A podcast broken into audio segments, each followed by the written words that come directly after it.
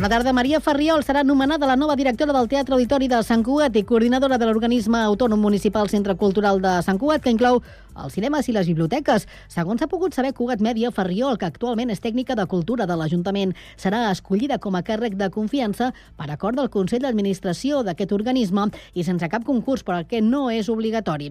Aquesta plaça està vacant des del 2020, quan es va fer efectiva la dimissió de Pep Tugas i de manera interina aquests últims tres anys el Teatre Auditori ha treballat amb una codirecció entre l'actual programador artístic Gerald Fanon i l'actegerent Maria Àngels Granados. El govern anterior va iniciar el 2021 un concurs per a aquest càrrec, però al febrer de 2022 va quedar aturat sense cap explicació. Destaquem més notícies d'interès. L'equip de govern vol que les bonificacions a l'IBI tornin a incorporar criteris de valor cadastral i les circumstàncies específiques de cada família com persones a càrrec, a més de la renda. D'aquesta manera es recuperarien els criteris eliminats al mandat anterior quan les bonificacions en aquest impost es van establir només per trams segons la renda amb un topall de fins als 50.000 euros. Així ho ha avançat el tinent del quadral d'Economia, de, Carles Brugaroles, en resposta a una moció del Partit Popular que precisament demanava això i que s'ha aprovat amb esmenes de l'equip de govern i els vots de tots els partits polítics tret de la CUP i en Comú Podem. Tots els grups municipals de Sant Cugat s'han posat d'acord perquè l'edifici de l'Escola La Mirada es construeixi amb la màxima celeritat possible. Amb una moció institucional original del PSC, l'Ajuntament entoma així el compromís perquè s'estudi immediatament un emplaçament alternatiu per a la construcció en cas de ser, de no ser possible i òptima la ubicació actual. Recordem, el Parc del Bosc de Bullpelleres. Actualment, unes mesures cautelars a petició dels ecologistes impedeixen que continuïn les obres en aquest espai. L'esport femení local comptarà amb un protocol de l'Ajuntament per a la prevenció i abordatge de les agressions masclistes i LGTBI-fòbiques. Arran del cas Rubiales, aquesta futura eina municipal vol reformar el compromís de Sant Cugat contra la violència masclista en l'esport i com ja va fer fent a la resta d'àmbits socials. La CUP ha estat el partit proposant del protocol que es podrà aplicar gràcies també al suport de la resta de grups tret del Partit Popular i de Vox, que ha votat en contra. Res més per ara. La informació torna d'aquí una hora a la mateixa sintonia i constantment a internet a www.cugat.cat.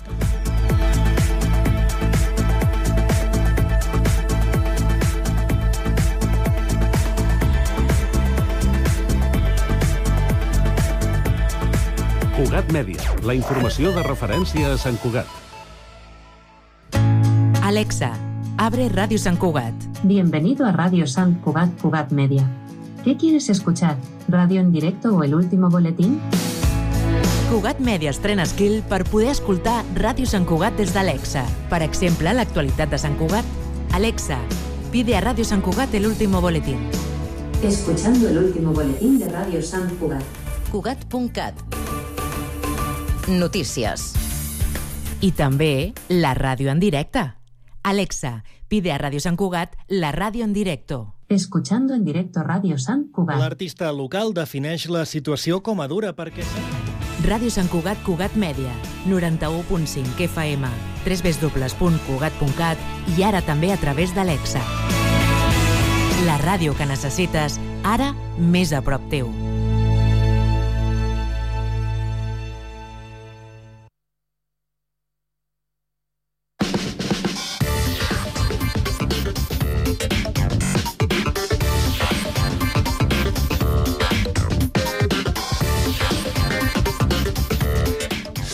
Tarda, 4 minuts, reprenem el Connectats amb l'inici de la segona hora del programa d'avui. Temps ara per a la informació de servei. Molt ràpidament sabem quina és la situació pel que respecta al trànsit. Informació que avui ens porta César Martínez. Bona tarda, César. Bona tarda, Carme. Circulació amb retencions al nus del Llobregat entre els quilòmetres 11 i 5 de la B10 sentit sud. Circulació amb congestió en el nus de la Trinitat entre els quilòmetres 12,5 i 15,5 de la B10 sentit nord. Per altra banda, la B20, a la B20, entre els quilòmetres 14 i 10, sentit nord del nus de la Trinitat, també hi ha circulació amb retencions. I recordem que la B20, a l'alçada del quilòmetre 14 i 16, sentit sud, entre Barcelona i Santa Coloma, hi ha la calçada tallada. Això també provoca retencions a partir del quilòmetre 17 de la mateixa via. Això és tot, segons s'informa el Servei Català de Trànsit. Doncs completem aquesta informació amb la situació al transport públic. Anem al Transmet. Albert Garram, bona tarda. Doncs en aquests moments destaquem que s'ha restablert la circulació a la línia R4 de Rodalies, on a causa d'un accident d'una persona a l'estació de Cornellà, la circulació de trens s'ha vist interrompuda aquest matí, així que es preveu en les properes hores una normalització progressiva del servei. Aquesta afectació de retruc també pot afectar de manera puntual, però amb menys gravetat, a la línia R3. D'altra banda, recordem que per avui es manté activat l'avís per nivells moderats de contaminació per partícules PM10 a l'àrea de Barcelona, així que recomanem fer ús del transport públic. Pel que fa a la resta de la xarxa, no hi destaquen més afectacions significatives, així que de moment això és tot des del Transmet.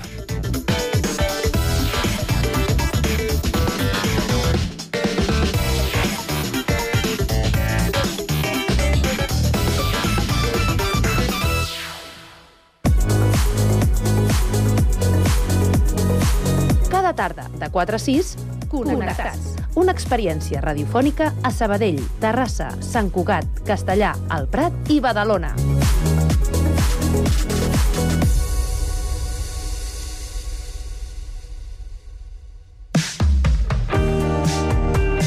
Veus locals.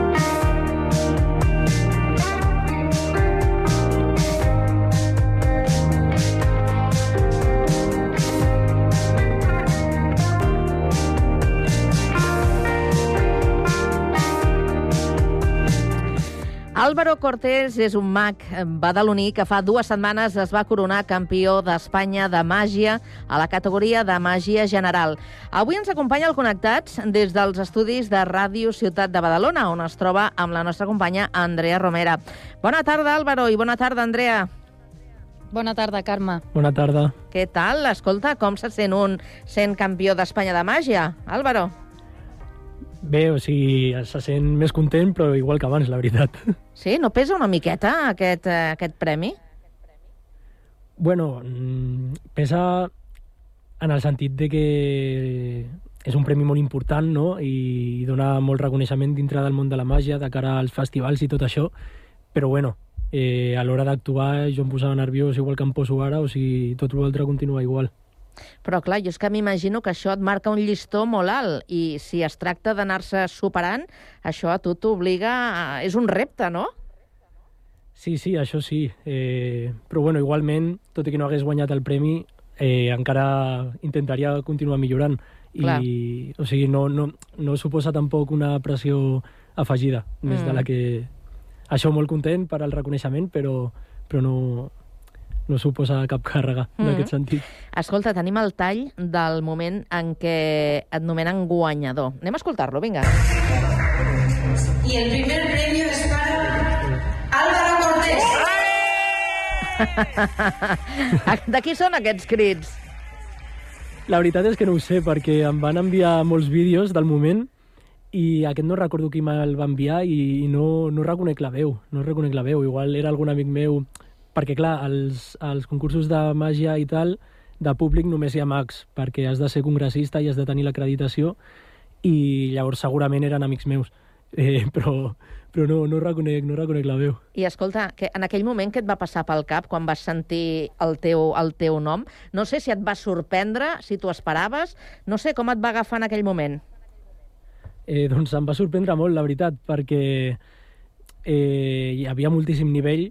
Eh, bueno, en un concurs d'aquestes característiques eh, sempre hi ha molt nivell, però aquest any jo vaig veure moltíssim nivell i sempre comencen a dir els premis, eh, començant pel tercer, després diuen el segon i després diuen el primer. I llavors, quan ja van dir el tercer i el segon, encara quedaven números que per mi eren molt bons. I llavors eh, jo tenia molta por perquè quan ja van dir el segon i no era jo vaig dir doncs no em donaran res. I quan em van donar el primer, doncs al vídeo es veu que em poso les mans al cap com dient no, no, no m'ho esperava. Yeah. Hem comentat que tu competies en la categoria de màgia general. Ens pots explicar una mica en què consisteix aquesta categoria? Vale. Eh, primer de tot, hi ha com dos grans categories. Hi ha escena, que es fa al teatre, no? a un escenari, i hi ha màgia de prop. Això són com les dues categories més grans. I llavors, dintre de la màgia d'escena, hi ha diferents categories. Hi ha manipulació, hi ha mentalisme, màgia còmica, màgia infantil, grans il·lusions, hi ha, molta, hi ha màgia general. Màgia general bàsicament, com el nom diu, és una mica tot el que no s'engloba en, les altres, en les altres disciplines que són més concretes. Per exemple, la manipulació eh, consisteix, segur que heu vist algun mag que fa aparèixer de les mans boles, cartes, coses més petites. Les grans il·lusions eh, són aquests aparells que parteixen a gent per la meitat, fan volar i totes aquestes coses. I després, a la màgia general, es pot fer una barreja. O sigui, si jo, per exemple, faig un trosset de manipulació, però faig una altra cosa que es pot considerar grans il·lusions, no puc estar ni a una categoria ni a l'altra, i llavors estic a, a màgia general. Seria una miqueta això, així explicat per sobre. I en el teu cas, quant de temps t'has estat preparant per aquest campionat? Eh, amb, el, amb, a, bueno, amb la rutina, amb el número que faig eh, de concurs, ara portem 4 anys eh, treballant-lo, o sigui que sí, diria que 4 anys, amb el, amb el número aquest 4 anys en concret. Bueno, hem vist, no sé si parles d'aquest número, però hem vist un, que és el que et fa guanyador, és increïble, es pot recuperar a TV3 a la carta, per cert. Eh, bueno, eh, surt una flama, de cop un colom, de cop un drap, i es van convertir unes coses en les altres. És, és increïble. En què t'has inspirat o qui t'ha inspirat en fer, per fer aquest truc? Vale. O sigui, jo porto faig màgia amb els coloms des de que tinc 12 anys i perquè sempre m'han agradat molt els animals i, i vaig començar fent màgia amb ells, no? Els vaig començar a tenir com a mascotes i vaig començar a, a, a fer amb ells les meves actuacions i em vaig anar especialitzant, especialitzant en això. Llavors, eh, què m'havies preguntat? Que, en què t'has inspirat? Ah, vale, sí. O qui t'ha inspirat sí. per preparar aquest truc? Llavors, sí, eh, això, vaig fer màgia amb coloms primer perquè això ja ho feia des de petit i després eh, aquest número en concret que tracta d'un pintor que li comencen a passar coses màgiques i tal, eh, em va inspirar l'Enric Magú, que és l'organitzador del Festival Lichang, que es fa a Badalona cada any, que des de fa 23 anys ja es fa, i, bueno, ell és el meu director artístic i un dia estàvem al local pensant, al meu local, pensant en un, en un número que poguéssim fer, alguna cosa nova, per no ser el típic mag que entra a l'escenari, fa màgia i ja està, no? I llavors, no sé, vam, vam començar a pensar com a personatges i ell així, com si res, va dir podries anar de pintor, de no sé què, i a mi se'm va quedar del pintor i li vaig dir m'agrada. I llavors em vaig posar a escriure el número i, i, vaig, i vaig començar, vaig fer la primera versió del número, que després ha evolucionat molt, però va sorgir, va, va sorgir així, amb, amb l'Enric. Com comentes, és això, un pintor que li van passant coses màgiques, és un truc un número bastant llarg on hi ha molts factors, hi ha fins i tot animals vius es passen nervis? Estan tanta estona sobre de l'escenari? Eren uns 4 o 5 minuts, si no recordo malament. Sí, o sigui, Estan pendent de tantes coses? El, el número sencer dura 8 minuts. 8 minuts. Eh, però jo a l'escenari no passo nervis, jo passo nervis l'estona d'abans. Passo nervis... Sí que és veritat que l'últim any he tingut molts festivals i tal i he començat a gestionar-los millor però abans sí que ho passava molt malament, molt malament. Encara passo nervis, eh? però ara diguem que són nervis més sants perquè abans és que em posava molt malalt amb els nervis. Però és abans de sortir, una vegada que surto ja se'm passa. Has trobat algun truquet per, per controlar aquests nervis que dius que abans eren pitjors que ara? Mm, no, no, no faig res, ara no faig res d'especial, o sigui, m'imagino que... L'experiència, potser. A l'haver fet moltes vegades el número aquest davant de gent, doncs és com que el tinc més per la mà i em sento més segur. I, i és això, jo crec que ha sigut això, perquè no faig res de diferent. Tampoc. De fet, aquest número t'ha portat a guanyar altres premis nacionals de màgia, oi? Sí, o sigui, aquest número ja el, el vaig presentar al Nacional de 2022, l'any passat, que es va fer al Musafes, i vaig guanyar, vaig guanyar segon premi a la categoria de màgia general, però el primer i el tercer van quedar deserts. O sigui, ningú es va considerar que ningú tenia la puntuació per arribar ni a primer ni a tercer, i va ser l'únic premi que van donar de la categoria. Veiem que tens una trajectòria bastant llarga, amb bastants premis a l'esquena pel que comentes, però voldria mirar una mica enrere, no? Com descobreixes tot això de la màgia? Te'n recordes amb quants sí, anys va ser? Sí, sí, vaig començar amb 5 anys i va ser perquè per Nadal, eh, igual que molta gent, em van regalar un joc de màgia, que no era el Màgia Borràs, però era d'aquest estil. I jo era molt petit, però ja em vaig posar amb els DVDs, em posava els DVDs, mirava com mirava com es feien els jocs i tal, i vaig començar a fer-ho, no? Vaig començar a fer a la família i amics i tal, i vaig començar així, amb, amb 5 anys, amb un joc. En algun moment vas decidir formar-te de manera més professional? Sí, després, quan vaig fer 12 anys, eh, els meus pares em van apuntar a una escola de màgia que es diu 3D Trèvol, està a Barcelona, a prop de Plaça Espanya, i res, vaig estar allà 6 anys, eh, on vaig aprendre les bases, eh, una, o sigui, va ser una mica com els meus inicis més seriosos dintre de la màgia, no? Eh, van ser una mica els que em van inculcar la passió per la màgia i, i vaig estar sis anys fins que, fins que vaig acabar i ja doncs, quan vaig acabar ja vaig començar a fer concursos, anar a festivals... Com funciona una escola de màgia? Perquè per gent que no en sabem sobre aquest món, a mi em parlen d'escoles de màgia i penso en Hogwarts, Sí, no? imagino que no Sí, sí. seria com Hogwarts, la teva escola. No, no, no, no. Eh, o sigui, jo havia d'anar, òbviament, a l'escola normal i després eh, jo anava els dissabtes, em sembla, dues hores, perquè entre setmana no tenia temps, perquè per les tardes anava o a natació, o a anglès, o al conservatori, o el que fos. I totes les tardes les tenia ocupades, llavors anava a dues hores els dissabtes al matí. I és això, o sigui, és una escola on t'ensenyen eh, doncs, diferents tècniques, una mica t'expliquen teoria sobre la màgia, no?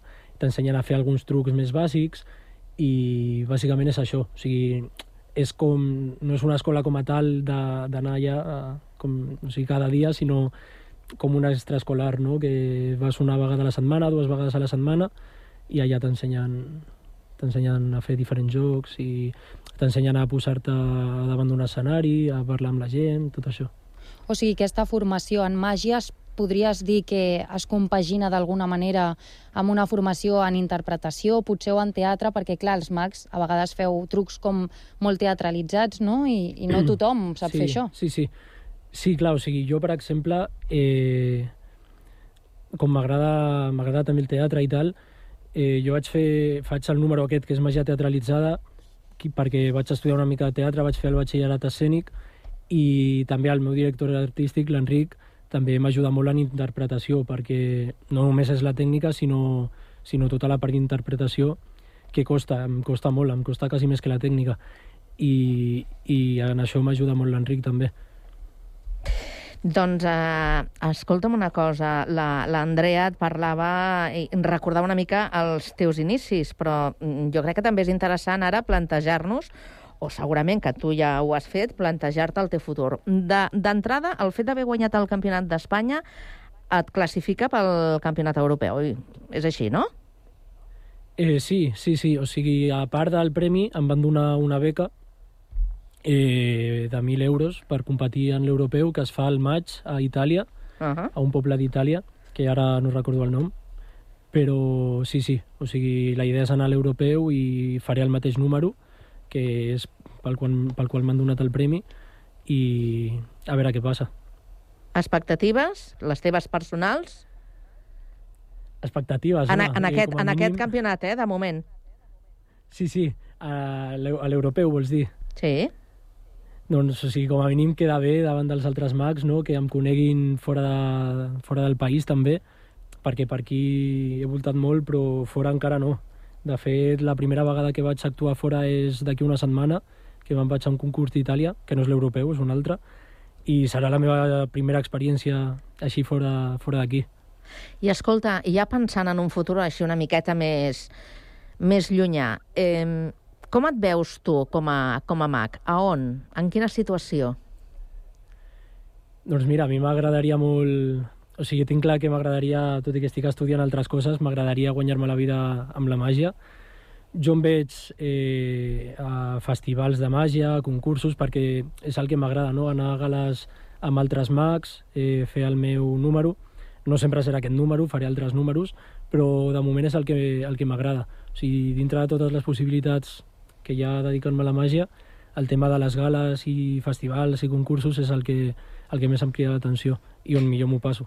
Doncs mira, ara que parles de guanyar-te la vida fent el que a tu t'agrada, que és eh, màgia, precisament divendres amb l'Andrea, des d'aquí on esteu vosaltres ara, parlàvem de, de, de l'èxit que ha tingut el, el, el teatre, les arts escèniques, en quant a recaptació, en quant a espectadors, però clar, és que fèiem referència que qui, qui estava encapçalant aquesta llista és un mag, el Mago Pop. Sí. Què et sembla? Sí, sí, sí, sí. Uh, què em sembla el que? Que sigui un mag o Clar, o este, estem parlant que un, un mag que no seria, diguem, majoritari entre tots els tipus d'espectacles que, que, Mm. que es fan, que sigui precisament qui estigui al capdavant d'aquestes llistes d'èxit. Mm. Sí, o sigui, a mi del Mago Pop em sembla increïble que hagi aconseguit això, perquè molt poca gent ho ha aconseguit. Ho va aconseguir David Copperfield, alguns mags que viuen a Las Vegas sí que ho han aconseguit, però al nivell que ho està fent ell, no. Llavors, em sembla molt interessant i molt admirable el que ha aconseguit, com ha sapigut vendre's a la gent i com ha sapigut arribar al públic. Doncs escolta, I Álvaro, sembla- abans, abans d'acabar, eh, t'hem demanat una cançó, un tema musical que per tu té algun sentit, algun significat especial. Quin és? Eh, doncs he triat la cançó Hey Jude dels Beatles, que m'agrada molt, i, i això. Doncs escolta, la compartim amb tu i et desitgem eh, molta sort en la teva carrera i que vagi molt bé en aquest eh, europeu que, com ens deies, tindràs el maig a, a Itàlia. Gràcies per la visita. Molts èxits. Perfecte, merci. Adéu-siau. Adéu, Andrea. Adéu, bona tarda.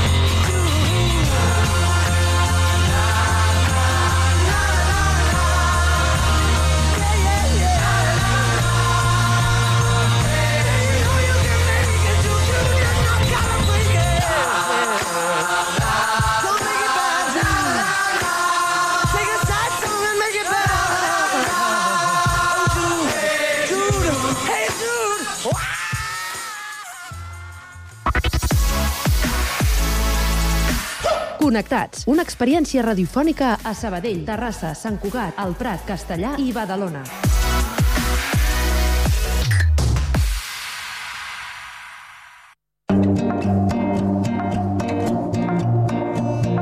Bocabadats.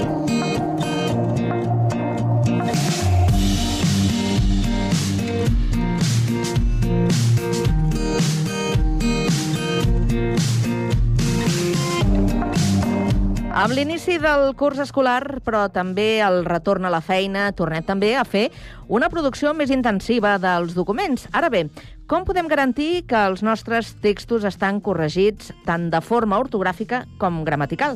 Tenim diverses eines que avui repassem amb el Prat Ràdio. Marxem, doncs, fins als estudis, on tenim Japó a Luis Rodríguez Alonso. Bona tarda. Bona tarda, i per parlar de quins instruments disposem, comptem amb Assumpta Codinac i Casarramona, d'assessora del Centre de Normalització Lingüística d'aquí la Prat. Què tal? Bona tarda, com estàs? Bona tarda. Doncs una de les eines que tenim més al nostre abast és el corrector de programes com, per exemple, el Word. Com es pot fer un bon ús?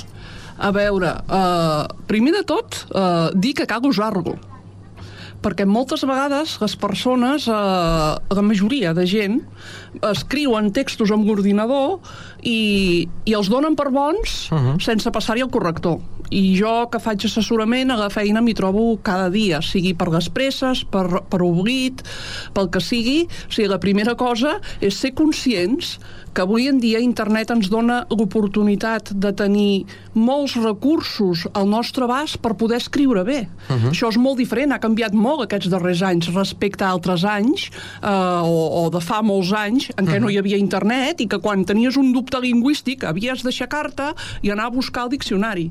I sort si tenies el diccionari que tocava en aquell moment, sí. d'acord? Això avui en dia eh, ha canviat molt. Llavors, veure, el corrector és una eina important perquè ens permet detectar eh, moltes errades de les que podem fer en un text. No totes, mm, com sempre, sempre hi ha un marge d'error, no, no ho detecta tot.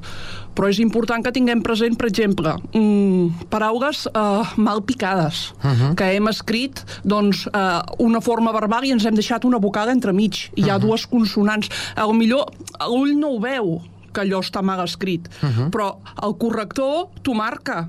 I, per tant, quan t'ho marca, et fa adonar que allà hi ha una errada. D'acord? Uh -huh. Per tant, eh, és important passar-lo. Després, eh, per exemple, també eh, altres errades que, que, que no ens marca, per exemple, eh, perdó, que sí que ens marca, Sí. eh, totes les errades ortogràfiques, en principi, quan una paraula va en B alta o en B baixa, una L geminada, si l'hem escrit sense L geminada ens marca que hi ha una errada. Uh -huh. Els apòstrofs, normalment també. Els accents generalment també els marca, els marca tots. Per tant, eh, és un recurs bo per, per fer-lo servir, d'acord? Uh -huh. No detecta, en canvi, per exemple, les errades que hi pugui haver en gust de majúscules i minúscules. Per exemple, en català, els noms dels mesos de l'any i dels dies de la setmana s'escriuen en minúscula. Uh -huh. Però si tu els poses en majúscula, el corrector en principi no t'ho marca com a errada. D'acord? Vull dir que... I després també hi ha algunes errades. Eh, per exemple, l'altre dia m'hi vaig trobar amb una que la paraula que s'havia d'escriure era tornada Sí. i la persona va escriure tronada. Clar, paraula és correcta. Va invertir, va invertir l'ordre de, les, de les lletres, diguem-ne, uh -huh. però la paraula tronada era, era correcta, tot i que en aquell context no hi lligava ni poc ni molt. Eh? La tronada de l'escola, no? Exacte, sí. I, I aquesta, per exemple, doncs el corrector no la va detectar. Per tant, eh, hem de passar el corrector sempre perquè ens detecten moltes errades, però sempre hem de ser conscients que el corrector no és infal·lible, que hi ha coses que el corrector no les pot detectar i per tant les hem d'anar eh, revisant nosaltres. Després una altra cosa, per exemple, els correctors aquests funcionen a partir d'un diccionari que porten incorporat, uh Mhm. -huh. que porta un nombre determinat de paraules en cadascuna de les llengües que pugui tenir, d'acord? I si nosaltres usem habitualment el corrector ortogràfic, el que ens permet és que quan, quan el passem i anem acceptant els canvis que ens proposa o les paraules que ens proposa, perquè ens surt una llisteta quan hi ha Sí. una errada, amb diverses propostes de paraules per posar i nosaltres hem de triar la que és correcta, eh, ens permet també, si una paraula ens diu que no hi és al diccionari, doncs, de posar-la. Per, per exemple, pretenc o pretenca. Uh -huh. El diccionari del Word no hi és. Clar. Doncs, si nosaltres som del Prat i estem utilitzant cada dia aquesta paraula, pretenc o pretenca, doncs el que hem de fer és incorporar la paraula al diccionari perquè a partir d'aquell moment la paraula ja no es marcarà més com a error. Que potser, el, el, ara faré una broma, eh? però potser el, el diccionari interpreta com que, que, que pretens dir amb això, no? Sí, sí, sí, sí, sí, exactament, exactament. Vull dir, el diccionari no la reconeix i això ens pot passar amb moltes paraules perquè el diccionari és Sí. limitat. Llavors, com més utilitzem el corrector i més ampliem nosaltres el diccionari, eh, cada vegada eh, ens, ens reconeixerà més paraules i, per tant, cada vegada ens marcarà també menys errors en paraules que, que quan dius i això per què ho ha marcat si això és correcte, no? Clar, allò és clicant bàsicament al botó dret uh, sobre la paraula que es marca Exacte. com si fos incorrecta i afegir-la al diccionari Ah, perquè exacte. Partir d'aleshores ja deixi de, uh, de, de detectar-la com si fos una dada. exactament, exactament, sí, sí. La, la cosa és, la idea és aquesta, no? Vull dir que el diccionari es vagi alimentant i que es vagi augmentant, diguem-ne. Um, aquests, uh, uh, uh, aquest aliment que li estem donant al diccionari, uh, si tenim, per exemple, el Word en línia, permet que altres persones també, o sigui, permet compartir les seves paraules amb altres? Pregunto. Mm, no ho sé del cert. Jo diria que potser sí que es pot compartir, perquè avui en dia es pot compartir tot, però la veritat és que jo no ho he comprovat, això. Mhm. Quan parlem de, de correccions, en aquest cas amb el Word, bàsicament parlem de correccions eh, ortogràfiques, no gramaticals. També em fa de gramaticals, però, però jo he detectat que moltes vegades, vull dir, no sé, per exemple, les projecte, i per exemple ahir ho estava mirant i el les projecte no me va detectar. Vull dir que això seria una errada gramatical perquè és un problema de concordança, Clar. que eh, hi ha Sí, sí. un, un determinant en plural i un substantiu en singular i no el va detectar. Vull dir que eh, sí que en deu detectar algunes, però, però no les detecta totes. Uh -huh. En aquest cas, aleshores, que podem fer? Perquè tenim altres eines, com per exemple l'Optimot, eh, que està en línia i que Exactament. podem fer un bon ús perquè ens permet fer múltiples opcions. A veure, uh, l'Optimot per mi és la joia de la corona. Vull dir, jo com a assessora lingüística em va canviar la vida a partir del moment que va aparèixer l'Optimot. Uh -huh. perquè de passar, doncs, com deia, fa molts anys enrere, quan encara no hi era, mm, haver de consultar-ho tot amb diccionaris, a poder-ho fer tot des de la pantalla a l'ordinador sense haver-te de moure i tenir tots els diccionaris allà i tenir-ho tot allà, Mhm. doncs és fantàstic. Llavors, és un recurs absolutament recomanable per tothom especialment per les persones que tenen una feina eh, en què han d'escriure molt cada dia, que han de redactar molts textos, pels estudiants de, de, de tots tipus, vull dir, des de, sí, sí. des dels nens eh, ja de, de, de, de primària o de secundària, a batxillerat, als universitaris, eh, tothom qui hagi d'escriure eh, és un recurs absolutament eh, vàlid i recomanable totalment. Eh, el que té és que ens, o sigui, a part, a part de, de que ens permet consultar d'una manera ràpida eh, una paraula en la qual tenim dubtes, sempre partint de la base que tots som eh, competents en llengua catalana i que, Sí. per tant, sabem escriure. Però, precisament perquè sabem escriure, moltes vegades tens dubtes. Jo sempre dic que com més en saps, més dubtes. Uh -huh. I per tant, com més en saps, més dubtes i més necessitat tens d'agafar i dir, pum, l'Optimot, a, a veure què diu l'Optimot sobre això. Llavors, l'Optimot incorpora el diccionari de l'Institut d'Estudis Catalans, els dos diccionaris català-castellà i castellà-català de l'Enciclopèdia Catalana, Uh -huh. el diccionari de verbs. Llavors hi ha una base de dades extensíssima de fitxes de l'Optimot que les han creat l'equip de lingüistes que hi treballa, que són cinc o sis persones, Uh -huh. i que han fet tota una sèrie de fitxes eh, sobre temes de llengua. Llavors, el, que, el, que, el plus que permet l'Optimot, que és que a part de fer la cerca, pots resoldre el dubte i el pots resoldre el dubte d'una manera generalment molt didàctica.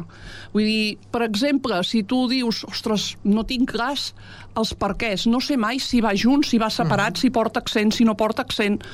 Només has d'escriure per què i fer una cerca.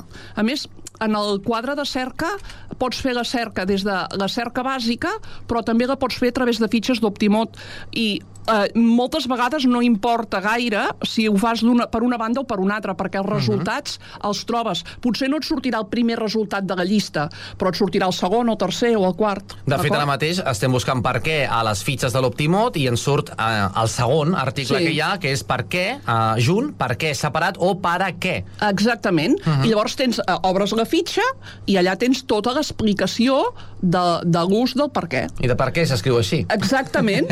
Llavors, això eh, eh, evidentment et va, et va enriquint, diguem-ne, no? Vull dir, et va formant, et va, et va consolidant un coneixement i, i, i jo crec que això és important, no? O dir paraules, per exemple, hi ha tota una sèrie de fitxes que tenen un patró de com es diu el que sigui, però com es diu taquilla. Uh -huh. I dius, va, doncs com es diu taquilla? Doncs bé, i llavors et surt la fitxa, però et surt, posant només taquilla, Sí, sí, ja sí. et surt la fitxa. Aquí diu, la, D'acord? com es diu taquilla en català, per exemple. Que Exactament, i la fitxa t'explica doncs, que taquilla pot ser la taquilla d'un teatre o la taquilla d'una estació de trens on venen els bitllets, Uh -huh. però que si anem a una instal·lació esportiva i deixem la, la roba desada, Sí. no la deixem a la taquilla, sinó que la deixem a l'armariet. D'acord? És a dir, que eh, no, no perdem la clau de la taquilla, sinó que perdem la clau de l'armariet, si l'hem perduda. D'acord? D'acord. Vull dir que eh, és una altra opció possible de, de cerques. Després, totes les formes verbals. Sí. Vull dir, qualsevol, sempre s'han de buscar a partir de l'infinitiu, eh? Uh -huh. I poses cerca per verbs i formes conjugades i se't desplega tot el quadre de verbs. Llavors, tu has de buscar la forma en concret que busca que vols Uh -huh. i, i mirar-la. Aquí, per exemple, acabem de buscar a connectar eh, per Sí. fer una miqueta de menció també al que és el nostre programa i, per exemple, doncs això, no? surt aquí que heu de cercar, es conjuga com a cantar i tu després obres i tro trobes la fitxa del verb cantar i seria exactament, igual. I sobretot quan tens dubtes, doncs no sé, de vegades, per exemple, amb els gerundis, no? Que dius, uh -huh. uh, el gerundi de tal verb, com és? Mhm. Doncs... Uh, eh, et apareix la forma, eh, tot el verb desplegat i llavors tu pots consultar la forma que vulguis. Doncs tot això i més és el que ofereix aquesta eina a l'Optimot, eh, que ens ha doncs, eh, donat a conèixer l'assumpte coordinat aquí, Sí. que és Ramona, que és assessora del Centre de Normalització Lingüística. Gràcies avui per acompanyar-nos. Us tor- tornem a convidar eh, un altre dia Molt també bé, aquí a Connectats bé, per continuar també analitzant una mica més a fons també com funciona aquesta magnífica eina. Molt Bona bé, tarda. moltes gràcies. Bona tarda, Carme.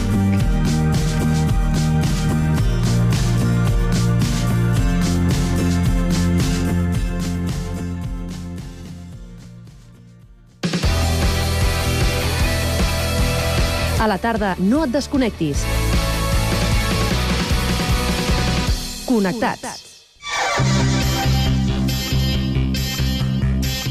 Un 19 de setembre de l'any 1963 va néixer el líder de la banda Pulp, Jarvis Cocker, a la localitat de Sheffield, Anglaterra. Aquest artista de rock alternatiu i figura dins del moviment Britpop va fundar Arabacus Pulp als 15 anys, quan encara anava al col·legi. Després de nombrosos canvis d'integrants i de reduir el nom a Pulp, va saltar la fama als anys 90 amb el gran èxit comercial His and Hers el 1994 i Different Class el 1995, al qual pertany aquest Common People. 30 seconds time She said I wanna live like common people do whatever common people do Wanna sleep with common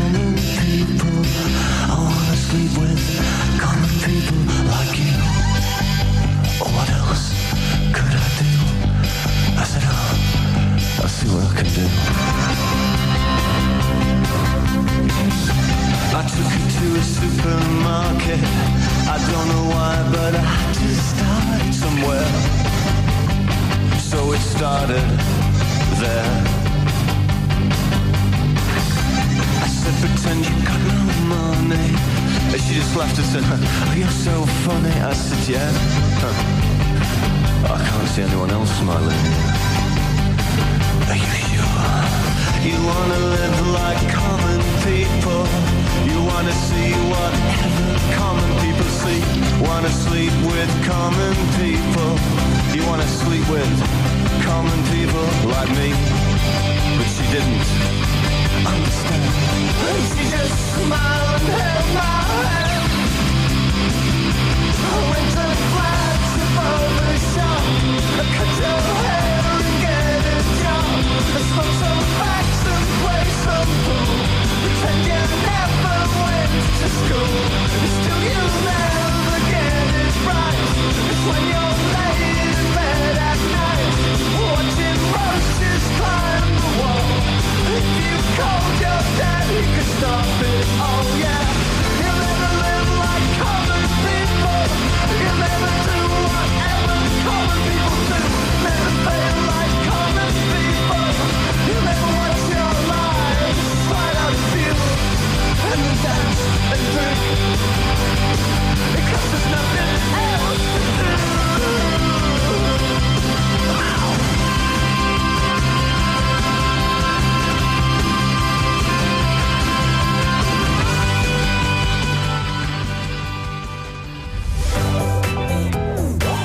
Connectats. Una experiència radiofònica a Sabadell. Ràdio Sabadell, 94.6. Terrassa. Ràdio Municipal de Terrassa, 95.2. Sant Cugat. Ràdio Sant Cugat, 91.5. El Prat. El Prat Ràdio, 91.6. Castellà. Ràdio Castellà, 90.1. I Badalona. Ràdio Ciutat de Badalona, 94.4. Cada tarda de 4 a 6, connectats.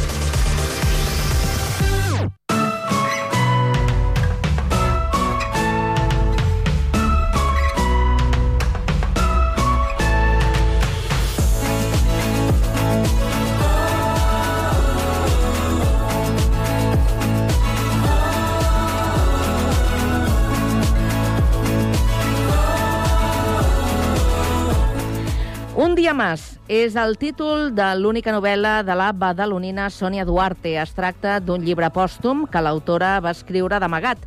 Avui ens acompanyen al Connectats per explicar-nos algunes curiositats d'aquesta novel·la la Bea Celdran, que és mare de l'autora, la Sònia Duarte, i en Jordi Matamoros, que és amic de la família i la persona que va fer possible la publicació del llibre. Molt bona tarda, Bea, i bona tarda, Jordi. Bona tarda. Buenas tardes. Com esteu? Pues aquí, a ver lo que hacemos. I jo observant Ah. aquesta dona i els seus nervis. Sí, ja, ja, ja, ja, ja, eh? ja. Escolta, Bea, Bea que, no, que no, no, no passa absolutament res aquí. Tu imagina't Ja, que t'hem ja. convidat a, a prendre un cafè tranquil·lament Sí. perquè ens expliquis i parlem de- de- d'aquest llibre, un dia, un dia més, de, de la Un teva filla, i a més, acompanyada pel Jordi, que el Jordi ja domina Sí. això d'estar aquí a l'estudi Sí, sí. i venir a explicar-nos Sí. coses, eh que sí? Sí, sí, ¿Eh? sí. Pero claro, no quiere decir que esté nerviosa. Es la primera vez y... Ja, ho entenem, però, però, no, però no has de patir per res, eh? perquè això no fa mal. No, no. no, fa mal. Per cert, No. deixeu-me que saludi a la- a l'Andrea, que abans eh, l'hem Sí. tingut també parlant d'un altre, altre tema, parlant amb un mag, eh? que, que teniu a Badalona, que és una eminència, que li han donat eh, fins i tot un, un títol, un premi. Eh, I no, no li he dit, escolta, que d'aquí una estona ens veiem. Sí. Doncs sí, no ens veiem, ens tornem a parlar. Andrea, què tal? Bona tarda, aquí estem, un altre cop. Ben acompanyada. Tu aquesta tarda, eh? No et queixaràs, eh? No et sí, queixaràs. sí, avui super ben acompanyada. Ja ho veig. Uh, escolta, Jordi, explica'ns una miqueta de què, de què va, de què tracta aquest Un dia més. Doncs mira, és un llibre que tracta de sentiments, és un, un triangle amorós i com es va desenvolupant per la vida. Alhora és una tragèdia grega i alhora és una novel·la que ens parla del món LGTB perquè al final eh, les protagonistes doncs, són lesbianes i es van desenvolupant mm, pel món. Amb... És una història que no ens porta a grans batalles ni a grans, ni a grans events. És una història de com van passant els sentiments, de com ens van enrabassant la vida, de Mm. com se'ns compliquen, de com pots sentir un amor perfecte per dues persones alhora i no saps exactament què triar. Eh, És una passada. I alhora és una perfecta tragèdia grega. És una obra que jo ja l'havia llegit perquè quan em van dir de publicar l'havia llegit per sobre i, i ara vaig pensar, hòstia, en cinc llibres, en cinc dies, per estar al dia quan, quan anem a la ràdio, sàpiga de què va, Sí. i, bueno, me'l vaig, me'l vaig ventilar en un dia i mig, perquè realment és una història que atrapa. Et vas atrapar. Molt ben sí, escrita. sí, sí, sí. Per cert, e- és un llibre que ens pot eh, portar a, a reflexionar, no?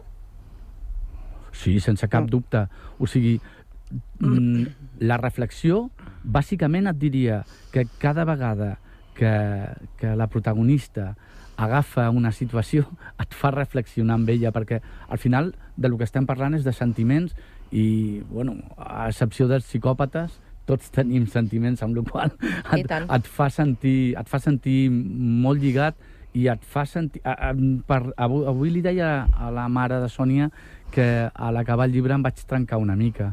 Vale? O sigui que sí, és un llibre molt, molt intens i que et fa pensar, sí, sense cap O dubte. sigui que et vas emocionar. Sí, t'ho asseguro. Sí, per aquí sí, teniu sí. un llibre que queda per vosaltres. Llegiu-lo com vulgueu. A veure, l'Andrea, l'Andrea, a veure si acaba com tu, mm, que voldrà dir que li ha arribat, eh? També, sí. eh, per Sí, ser, sí. Deixa'm, deixa'm, Andrea, que li pregunti al Jordi si hagués de recomanar aquest llibre a algú, quin, quin tipus de, de persones creus que, que li podria agradar? Sobretot estaria molt bé pels psicòpates perquè aprenguessin a sentir. Qualsevol persona, al final, al marge de que sigui una història d'un un cercle estrany d'amors entre tres persones, Mm. són això, tres persones.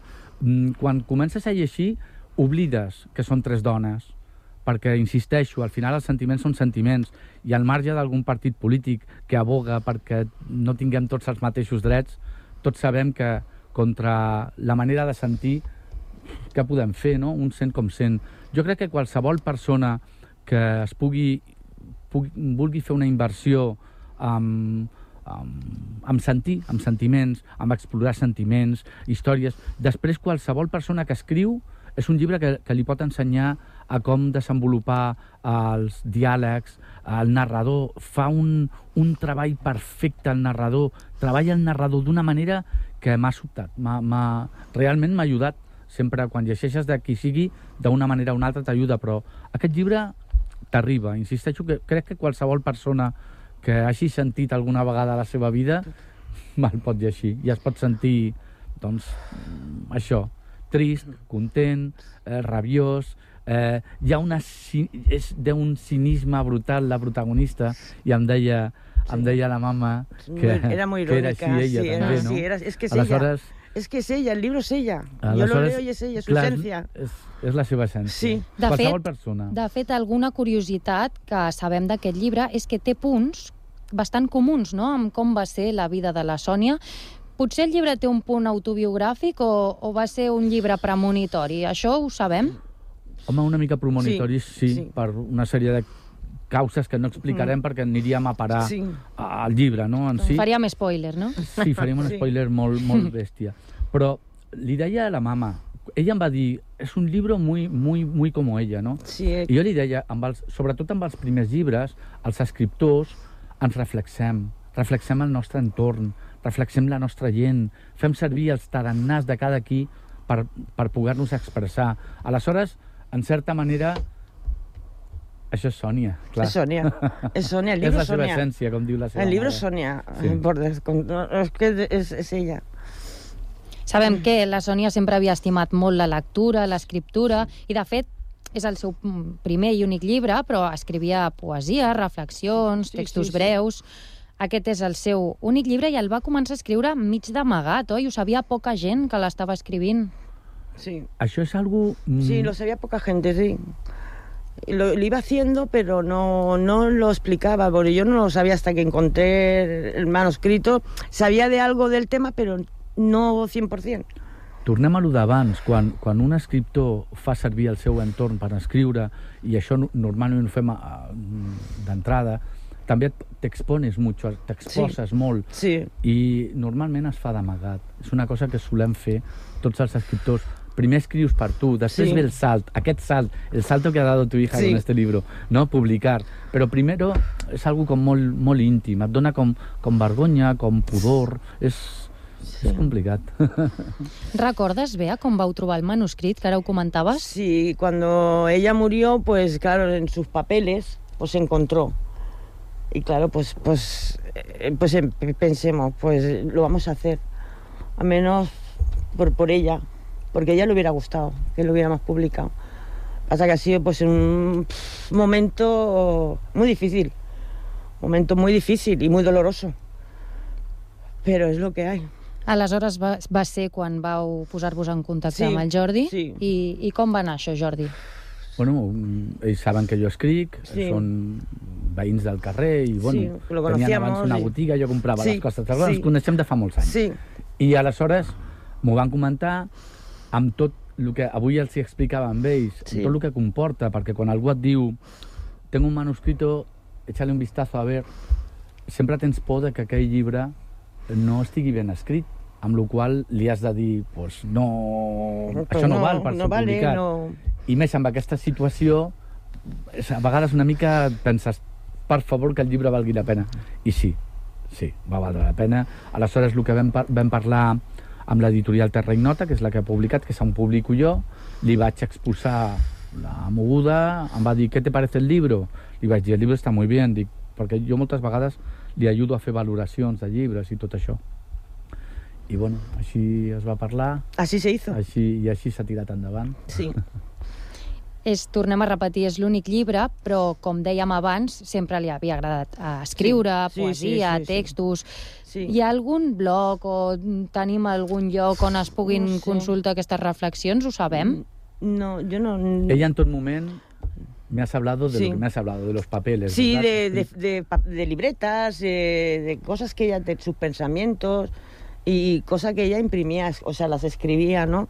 En boli y los tenía allí, donde tenía muchos papeles, pero tampoco así en un- como esto, ¿sabes? O sigui, d'aquests textos no us plantegeu publicar-ne no, cap yo quise altre? hacer esto porque, pues, póstumo y, y quería que fuera así, tal como ella lo escribió. I ara on es pot comprar el, el llibre, Jordi? Doncs a qualsevol llibreria que es vulgui demanar es pot trobar. I, so, i per descomptat, a Terreny Nota Edicions, a la, sí. a la web, doncs es pot demanar i es pot, es pot adquirir. Vale? Doncs animem a tots ara, els nostres ara ha oients. començat a estar amb els distribuïdors Claro. i començarà a estar... Perquè vam parlar amb els distribuïdors perquè estigués aquí a Badalona, sobretot, que és l'entorn que més, però es pot demanar a qualsevol llibreria. Doncs això, animem a tots els nostres oients. Ja saben què poden fer per, per tenir aquest llibre i per llegir-lo. A més, eh, és un punt important, no?, perquè vea la vostra voluntat és que els beneficis vagin destinats a la investigació contra el càncer. Sí. Sí, sí. Eso va a ser. Que todo lo que se saque del libro vaya para... Ya que ella murió de cáncer, que se investigue esta enfermedad que, que, que, que es terrible. Teniu previst fer alguna presentació, Jordi, per, per fer una mica de publicitat, no?, que tothom s'enteri de, Sí, que, de que tenim aquest llibre. Fa uns anys amb, amb Fèlix Cárdenas i la seva i fila, fila 7 i tal, vam fer un, un curt... Bueno, jo ja coneixia Fèlix, ell eh, és, és gay també, és del, del mundillo eh, de LGTB, aleshores li vaig dir per, per què no mirem de fer entre tots una presentació que pugui implicar doncs, a la ciutat, que pugui implicar al món del que veniu i que pugui implicar doncs, alguna associació del càncer i tal. I ho estem mirant, ho estem mirant ara amb l'associació aquesta, que sembla que vam fer fa uns anys un curt amb l'Assumpta Serna i tal. O sigui, bueno, estem, estem començant a bellugar-ho, crec que el lloc indicat és el barri de la Salut, que és d'on d'on són ells, Sí. i bueno, ho estem mirant, estem ara començant a treballar la possibilitat de fer aquesta presentació. Però Doncs- es farà. Fem una crida des d'aquí a Molt bé. entitats LGTB de la ciutat, associacions contra el càncer, a veure si, si ens escolten, no? Estaríeu disposats a col·laborar amb ells? Per descomptat, sí, sí, sí. per descomptat, al final el que volem és eh, un dia que no sigui un dia més, que sigui un dia d'ella, de Sònia. No és el que crec que pretenen ells i jo per descomptat. Creiem que és un dia de Sònia de recordar-la sí. i de, bueno, de recordar-la, sobretot de recordar-la. Ara que comentes això d'un dia més, per què es tria aquest títol? Té alguna cosa a veure amb la història? Sí, no lo sé, porque, a ver, ella lo que explica aquí es todo, o sea, una odisea de, de su vida, ¿no? Entonces, un día más es porque, claro, cuando viene el otro día, sigue también con, con- con sus cosas, ¿sabes? De sus pensamientos, sus traumas, sus inseguridades, y eso yo creo que es, porque lo puso ella un día más. Yo creo que es eso, a, ¿eh? a més a més és que la, eh, el llibre, com parlaven, no és una, una gran odissea ni res, simplement és Sí, com un dia els de- dies, sí. com anem pensant Sí. en l'amor, en el no amor, vas treballant i tal, però sempre està per aquí. Sempre, sí. El, les relacions humanes, les Mm. relacions de- d'amor-odi, de, de, de, de, i en aquí el triangle, aquest triangle eh, amorós és absolutament intens i, i et fa pensar, hòstia, i ara què? Sí. I ara què faràs? Sí, estás leyendo el libro y quieres más, quieres más, quieres más. Jo crec que és això, crec que va pensar en un dia més. És possible que fos per, per això, perquè simplement els dies van transcorrent, transcorrent i... Un tema de quotidianitat, potser. Quotidianitat absolu- absoluta, sí, I, en, que sí. I en aquesta quotidianitat, ara que us estic escoltant, Bea, la teva sí. filla compartia amb tu eh, les seves preocupacions, les seves històries, és a dir, el que tu has vist després en el llibre, eh, eh, en el dia a dia, en la vostra relació, això ho compartíeu? Sí, sí. Sí, yo he visto mucho en el libro reflejado de la vida de ella. O sea, ha cambiado nombres, pero vamos, es que yo lo estaba leyendo y decía, digo, es que es Sonia, es que es Sonia. La Laura, que es la protagonista del libro, es Sonia. Es Sonia, porque mu- muchas cosas las sé porque ella me las contaba y ha cambiado el nombre, digamos, del, de- del personaje, pero es, es ella. Es ella. Mhm. y ella me comentaba muchas cosas que salen, que se reflejan en el libro, pero muchas. O sigui que hi havia una comunicació fluida entre, Sí, entre sí. vosaltres. Sí, sí. I escolta, Jordi, tu que deies abans que us coneixeu de, de, de, de veïnatge, de, de fa temps, eh, tu a la Bea, a la, perdona, a la Sònia també la, la vas conèixer? No. No la vas mira, conèixer? Avui veníem parlant de que... Sí. Bu- Bueno, ara, ara podria dir que sí, perquè quan ells em van explicar com era, com era Sònia Clar. i vaig començar a llegir com era Laura, no vaig poder deixar d'imaginar-me-la amb la carona de Sònia.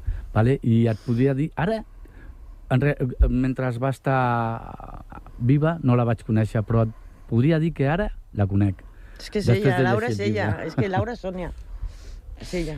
Doncs eh, des d'aquí, des del Connectats, avui hem compartit aquesta història, eh, aquest eh, llibre, aquest treball que ens ha deixat eh, la Sònia i que avui heu volgut eh, compartir tant el Jordi com eh, la Bea amb nosaltres, al, al Connectats. Un dia més eh, en la vida de, de la nostra protagonista d'avui, la, la Sònia. Els dos, moltíssimes gràcies per passar pel, pel Connectats. Ja sabeu que això doncs és casa vostra. Quan vulgueu A venir, vosaltres, sempre a vosaltres. esteu, esteu convidats. Bea, Sí, dime. res, que s'ha de tirar endavant i... Sí, sí. I, No hay más remedio, pero I t'has de sentir orgullosa de, del, Sí, sí. De, de la teva filla. Doncs, pero mucho. ¿eh? un, una abraçada, una abraçada ben forta. Gràcies. Que vagi molt bé. Gràcies. Andrea, gràcies. Fins demà. Fins demà. Bona tarda. Adéu-siau a tots. Adéu.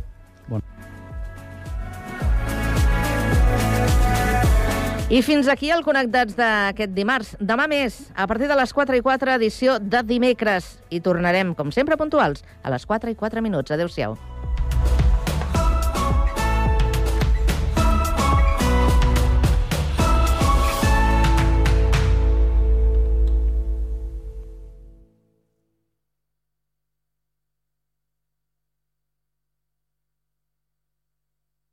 Adéu-siau. que tu mereixes.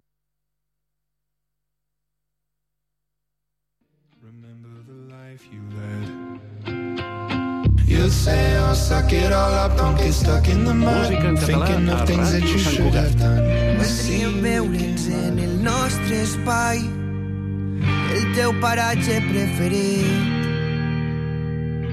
Recorrerem la nit per ser més forts i anar més lluny, desterrar la nostra por.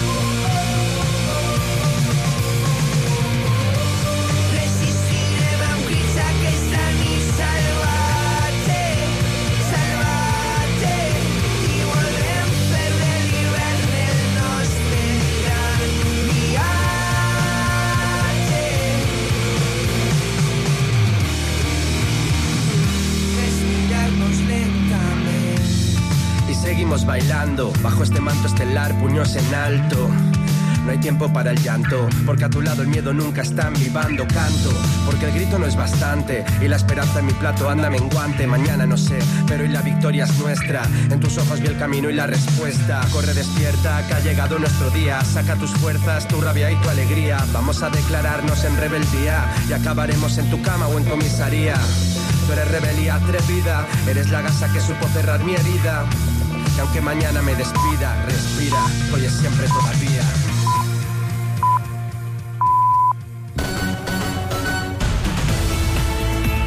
Ràdio Sant Cugat,